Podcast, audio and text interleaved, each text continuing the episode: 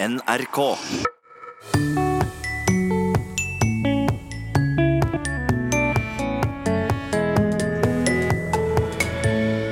Tvillingabort eller fosterreduksjon. Skattelette eller skattekutt. En debatt er en kamp om ordenes betydning. Valget av ord framkaller visse bilder. Det tilslører noe, og det framhever noe annet. Dette er språkets vilkår. Og vårt VM-studio hadde pakka sammen, men så kom dette. Nå ser du dattera di gråter. Krokodilletårer her. Au, au, au, au. Så i dag blir det en ekstrasending fra Språkteigens VM-studio. Vel møtt til Språkteigen. Retorikk er første stikkord i Språkteigen i dag, for det skal handle om ord, eller rettere sagt valg av ord. For i mange viktige debatter kjempes det om ordenes betydning, og kampen kan ende med å sette motstanderen i sjakk. Begrepet vi skal snakke om er framing, eller innramming. Og Jens Elmelund Kjeldsen, du er professor i retorikk, og du er med i retorikkgruppa ved Universitetet i Bergen. Hvilket ord skal vi begynne med? Ja, Torunn, det er et, et godt spørsmål. Men jeg kan kanskje prøve meg med et ø, spørsmål, eller en oppfordring. Hvis, hvis jeg sier til deg nå må du for alt i verden ikke tenke på en elefant. Takk skal du ha. Ja, selv takk. Det som skjer med ordet, er i det øyeblikket vi nevner et ord, så skaper det bilder i hodet. Og hvis jeg sier elefant, så kan du ikke unngå å tenke på akkurat en elefant. Jeg har så å si rammet inn området du kan tenke innenfor. Så ordene legger på en måte rammer for hva du kan tenke. De framkaller bilder, og disse bilder de får deg til å tenke på noe, ser noe i lys, mens noe annet på en måte blir, blir skjult. Og det er dette du da kaller for innramming? Ja, for eksempel, når vi snakker om skatt, så kan man tenke er skatt noe godt, eller er det noe dårlig? Og det kommer an på hvilke ord vi velger. Eksempel så er det noen partier som sier vi må ha skattelette. Og hvis jeg sier skattelette, så er det nesten en metafor. For du tar skatt, og så setter du det sammen med lette. Og det å lette noe, det er da å lette noe fra noe som er tungt å bære. Det vil si, det er noe dårlig. Altså, skatt er noe dårlig. Så hvis jeg vil ha skattelette, og så sier jeg til deg nei, Torin, vi må ha skattelette, og så svarer du meg nei, Jens, jeg syns ikke vi skal ha skattelette, så gjør du egentlig en selvmotsigelse. For du sier nei, jeg vil ikke være med på å gjøre noe lettere. Jeg er imot skattelette, men allikevel så er jeg med på din eh, bruk av det ordet. Du har lagt sant? Fordi jeg har rammet deg inn slik at du nå er med på skatt er noe som er tungt å bære, og derfor noe dårlig. Og når jeg sier jeg vil ikke ha det, så har jeg på en måte sagt meg selv imot. Mm. Og da har du satt meg i sjakk. Det har jeg. Og, og tenk på hvem som bruker hvilke ord. Eksempel er det særlig de som ønsker skattelette, som bruker det ord. Um, men Arbeiderpartiet for eksempel, er i høy grad gått bort fra å bruke dette ordet. De sier i stedet skattekutt. Men vi kan ta et annet eksempel, som Ja. kanskje er enda mer tydelig. Du husker kanskje noe tid tilbake, så skulle det reises store kraftmaster i Hardanger. Ja, det er monstermastene. Ikke sant? Ja. Og hvilket ord brukte du nå? Du sa monstermaster. Ja. Og når vi to diskuterer om vi skal ha disse mastene eller ei, er det så best hvis man ikke vil ha de, og kaller de monstermaster, eller master til kraftledninger. En monstermaster. Ikke sant? Ja. Fordi i det øyeblikk du sier monstermaster, så har du beskrevet noe som er stort og stygt og ødeleggende. Og det som vi begynner å se nå i alle de ordene vi har snakket om, som på en måte skaper innramming, de er veldig levende, eller billedlige. Mens master til kraftledninger er mye mer generelt og abstrakt, og ikke så gode til å framkalle bilder og følelser. Men er ikke det hele poenget med en debatt? Å vekke følelser og få noen over på sin side? Ja, Du kan si på en måte er det ikke noe problem, fordi alle ord innrammer i en viss forstand. Men det som er interessant for oss alle, det er å se hvem bruker hvilke ord, og tenke på at ord er ikke bare ord som betyr noe annet. Med ordene følger det særlige vurderinger. Og De som har jobbet med disse teoriene, de sier at det gjerne er fire retoriske handlinger som man potensielt utfører ved valg av ord. Ja. Og det har vi allerede merket litt. Det første er at valg av ord definerer problemer. For det andre diagnostiserer årsaker. For det tredje at det gir moralske dommer, og at det foreslår løsninger. Og disse tingene glir litt inn i hverandre. Men la oss prøve å ta de monstermastene. Mm. Hvis jeg bruker det ordet, så har jeg på en måte definert et problem. At de foreslåtte master til kraftledninger er et problem.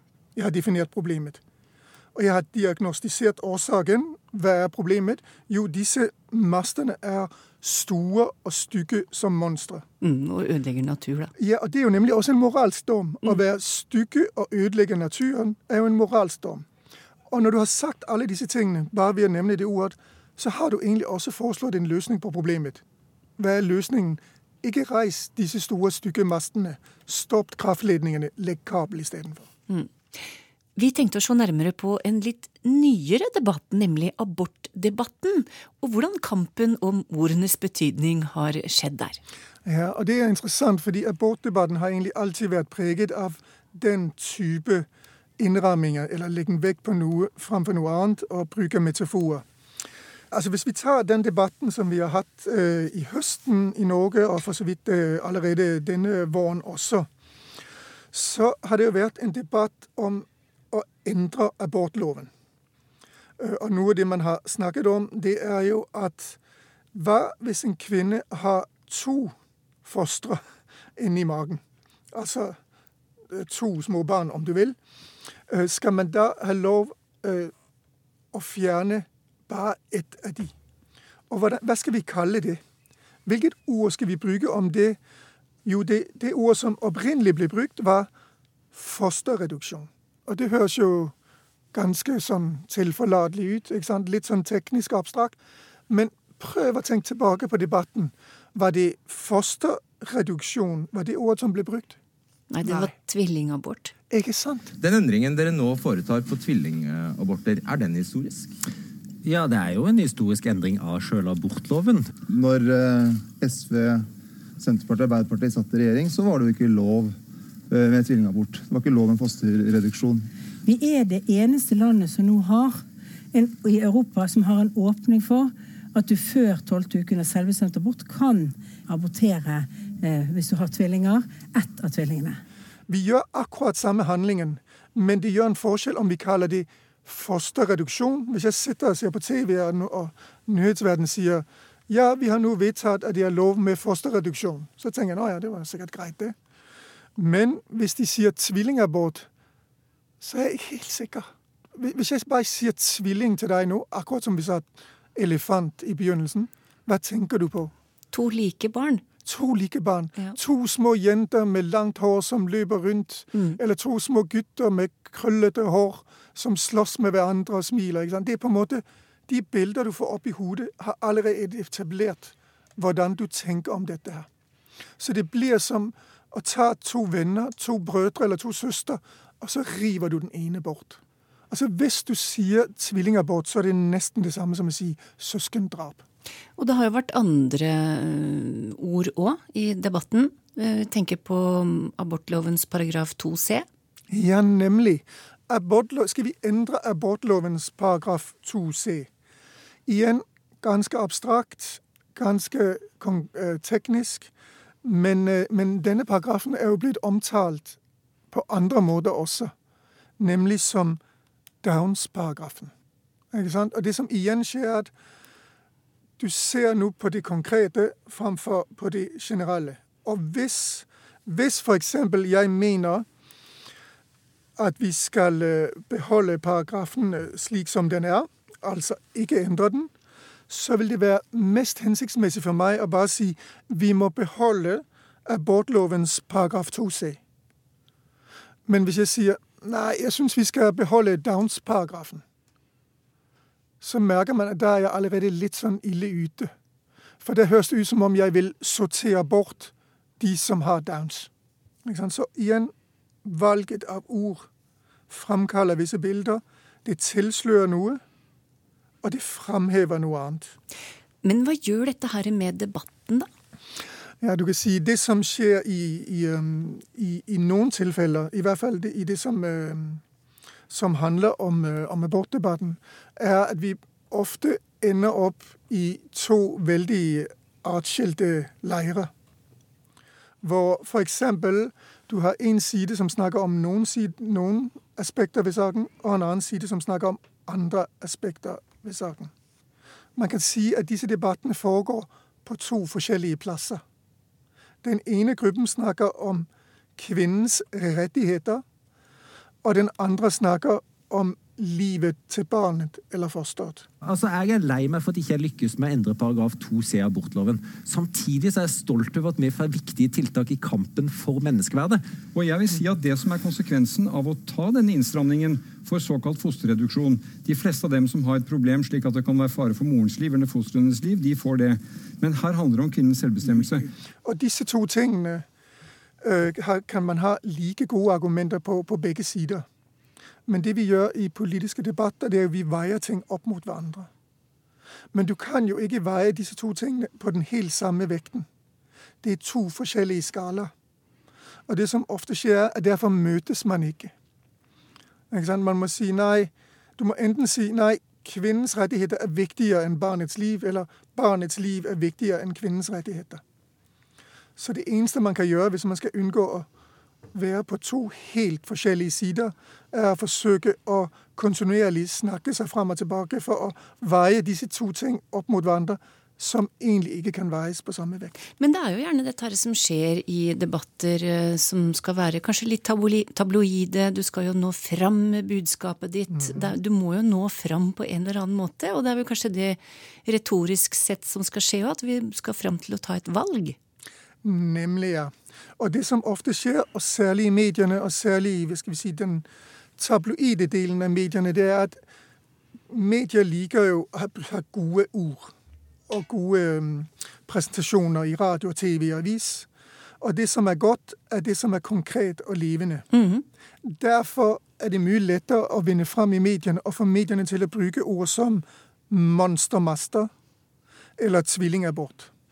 Ikke sant? Mm -hmm. Men hvis du sier eh, master til kraftledninger, hvis du sier fosterreduksjon, hvis du sier abortlovens paragraf 2c, så er ikke det like interessant. Og det betyr at de som kan finne et ord som er levende, som framhever det konkrete, og de aspekter i saken som du er opptatt av, de vil ofte få mer og bedre omtale, og flere mennesker vil se saken fra deres side. Dette er språkets vilkår. Altså, Vi kan ikke si noe uten det på en eller annen måte rammer ting inn. Men det vi må være oppmerksom på, det er at slik er språkets vilkår. Så derfor bør vi når vi ser nyheter, når vi hører på politikere, eller når vi diskuterer eller krangler med hverandre, begynne å tenke over hvilke ord bruker vi, og hvilke ord blir brukt overfor oss. Det sa professor i retorikk ved Universitetet i Bergen, Jens Elmelund Kjeldsen. Og lydklippa du hørte, var henta fra Debatten på NRK 17. januar. VM på ski er over, og vårt VM-studio hadde egentlig stengt. Men så kom det henvendelser til redaksjonen om et par språklige krumspring fra VM-byen. Så reporter Helle Therese Kongsrud og språkforsker Kristine Meklenborg Salvesen åpna dørene igjen.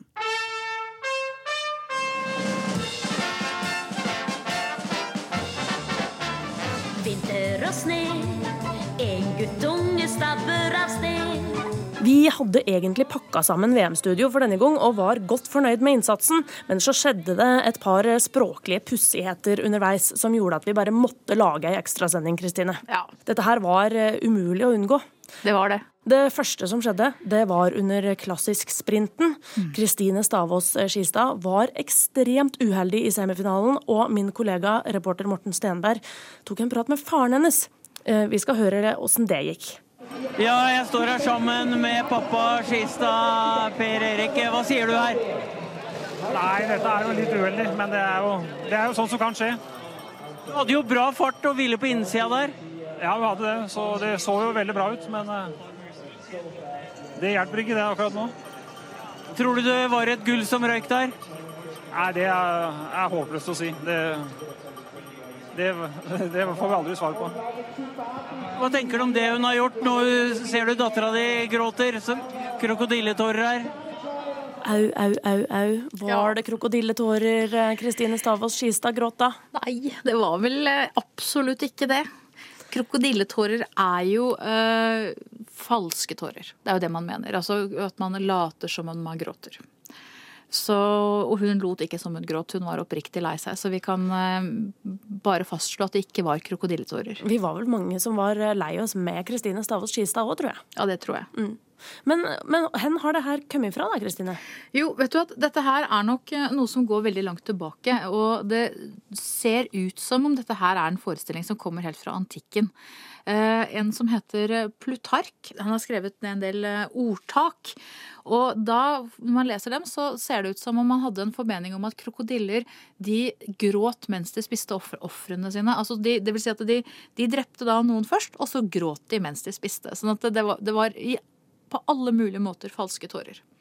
Mm. Og, så, og, så, er det da visstnok også noen middelalderhistorier hvor man trodde at eh, krokodiller eh, kunne lage gråtelyder for å lokke til seg mennesker for å spise dem. Sånn at krokodillene de har jo ikke noe godt rykte på seg, for å si det litt forsiktig. Og det har da blitt sagt at man later da som om de gråter, så er det for å oppnå noe, eller er det for å late som de er lei seg for det de har gjort. Hmm.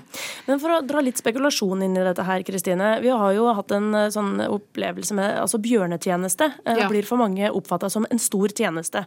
Ja. Kan det her være noe av det samme, tror du? Var det det Morten Stenberg tenkte på? Jeg tror det. Jeg tror at her tenker du at uh, krokodille er jo et stort og fryktinngytende dyr. Og, og det, da er det store og fryktinngytende tårer. altså Akkurat som om den kvaliteten uh, også spiller over på tårene. Og på samme med bjørnetjeneste, som jo mange oppfatter som uh, en stor tjeneste fordi bjørnen er et stort dyr. Så jeg tror dette her er eh, snakk om at man forsterker noe. Eh, man tror sjøl at man forsterker noe uten å kjenne til den betydningen som, som historisk sett ligger der. Det andre som skjedde, det var eh, rett etter at Martin Jonsrud Sundby vant på 15 km.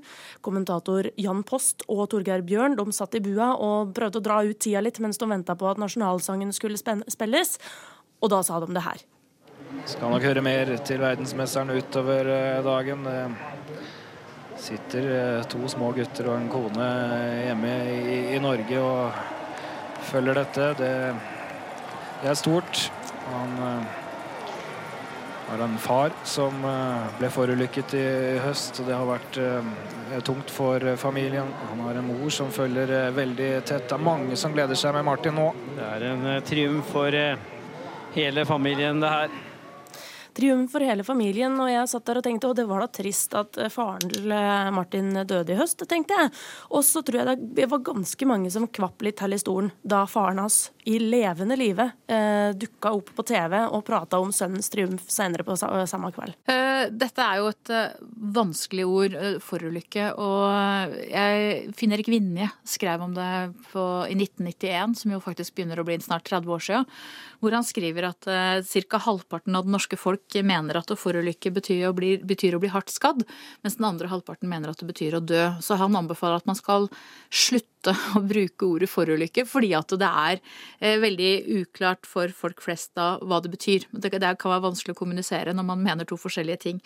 Men i hvert fall eh, dette her med å forulykke. Hvis vi ser på hva som står i ordboka, så står det eh, betydning én er å omkomme og dø, mens den andre er å bli hardt skadd. Og uh, Så begge mulighetene er til stede. Ser vi på ordbøker uh, tidligere på, altså nedover på 1900-tallet, så er det snakk om uh, bare betydningen å omkomme. Og da er det jo veldig rimelig å anta at dette her med å bli hardt skadd er en nyutvikling. Men så er det det. Ordet har vi fra tysk. Fra lavtysk. Det er et innlån. Og det har jo det der prefikset 'for', som betyr at uh, noe er uh, nektende eller ødeleggende eller uh, noe sånt noe. Så det er noe negativt knytta til det. og så kunne man jo tenke seg at da er det bare norsk da, som har den her nyutviklinga. Men hvis vi ser på tysk, så du, kan det også bety å bli hardt skadd. Så det er liksom tyder på at kanskje er det en annen historie her. I hvert fall så jeg ble såpass nysgjerrig at jeg kasta meg på, over tastaturet og gikk inn på Nasjonalbibliotekets sider. Og så begynte jeg å kikke på aviser fra 1800-tallet. Og søkte da på ordet forulykke. Og det viser seg at eh, det brukes i to sammenhenger, først og fremst. Det brukes som eh, å dø om mennesker, og så brukes det om tog og båter. At de forulykker. Og da betyr det jo selvfølgelig ikke at de dør. Er det da sånn at vi har en betydning for de levende vesener, og så har vi én betydning for døde gjenstander. Og da fant jeg i eh, Hedmarks amtstidene i 1880 da fant jeg faktisk et eh, eksempel på at det også der kan bety å bli skada. Så eh, der står det i en eh, fortelling at eh, hun Ved bredden skulle hun dessverre forulykke på en gjenstridig lille tue og befinne seg sittende åndeløs på den harde jord. Ja. Og hun døde jo ikke. Definitivt ikke, så lenge hun ånda. Ja, hun ånda. Sånn at eh, det er eh, tydelig at vi kan spore den bruken ganske langt tilbake. Men eh, det er vel ting som tyder på at det er blitt mer vanlig i betydningen å ha en ulykke enn det er enn bare å dø. Men igjen, dette er et ord som med en gang det brukes, så vil halve befolkningen da misforstås. Det kan være litt lurt å velge et annet ord. Takk til reporter Helle Therese Komsrud og førsteamanuensis i fransk ved Universitetet i Oslo, Kristine Meklenborg Salvesen.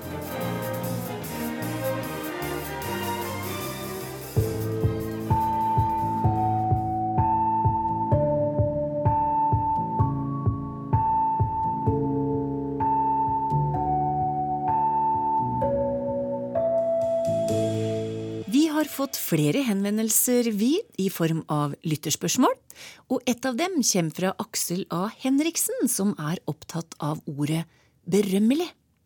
Han leste for ei stund sia om en veistrekning på Helgeland som åpna, og som erstatta den berømmelige 90-graderssvingen.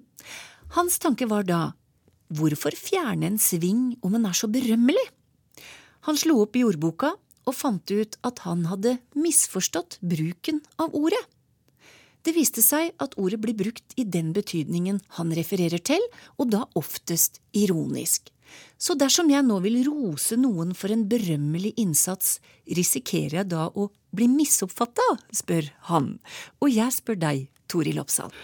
Ja, jeg, jeg, jeg, er redd for det. Fordi øh, den konkrete betydningen, altså berømmelig betydningen av noe som bør berømmes eller som er berømt, den står ganske riktig oppført i noen av ordbøkene våre. Men eksemplene og sitatene som oppgis, de er nokså gamle. Mm. Eh, og den betydningen som man ofte støter på, det at noe er omtalt og gjerne humoristisk og, og kanskje litt uh, ironisk, den, den, bruken ser ut til å ha tatt ja, jeg tør nesten si fullstendig over. Mm. Uh, og det er sjelden eh, noe positivt som er berømmelig. Det er eh, enten nøytralt eller noe som gir ja, negative eh, konnotasjoner. Så du kan si at berømmelig nesten ser ut til å ha blitt et nærsynonym til beryktet. Ja. En beryktet forbryterbande er berømmelig. Men, men, hva kan vi bruke i stedet? Altså, jeg tror at prisverdig kan fungere. Fordi det Aksel Henriksen ønsker her, er jo å berømme og hylle noen. Ja. Eh, og da kan du si at eh, dette er et prisverdig tiltak. Rosverdig er også en mulighet. Men eh, hvis berømmelig brukes i den berømmelige konkrete betydningen, så risikerer man nok å bli misforstått. Mm. I Bergen sier de tjommi om kamerat. Har det noe med det engelske chum å gjøre?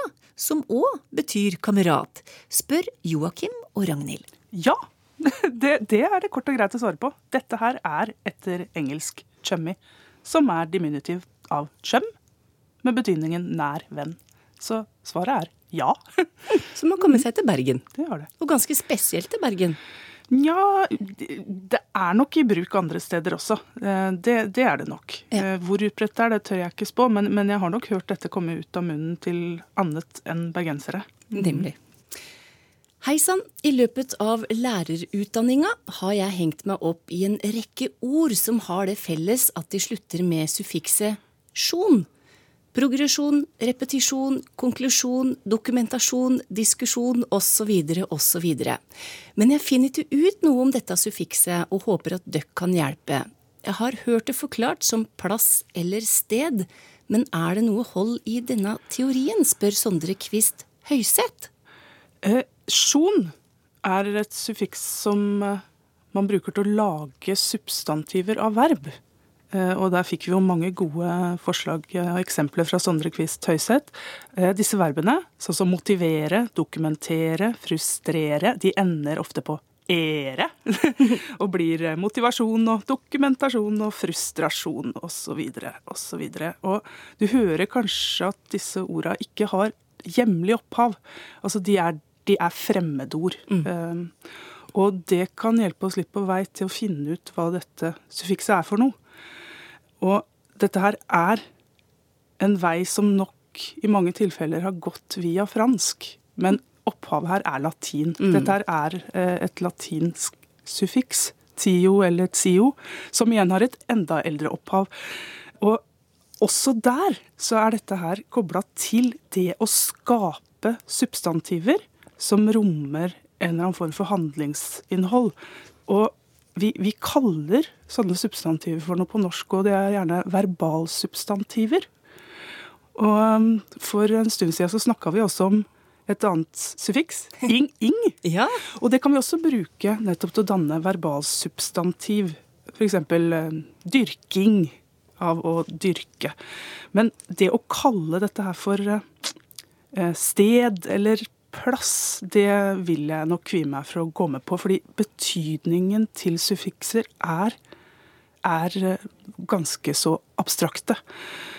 Og det er jo Jeg skulle ønske det betydde noe, men du kan jo si at selv om det ikke har noe konkret betydningsinnhold, så er jo dette her mildt sagt veldig mektige og meningsfulle størrelser.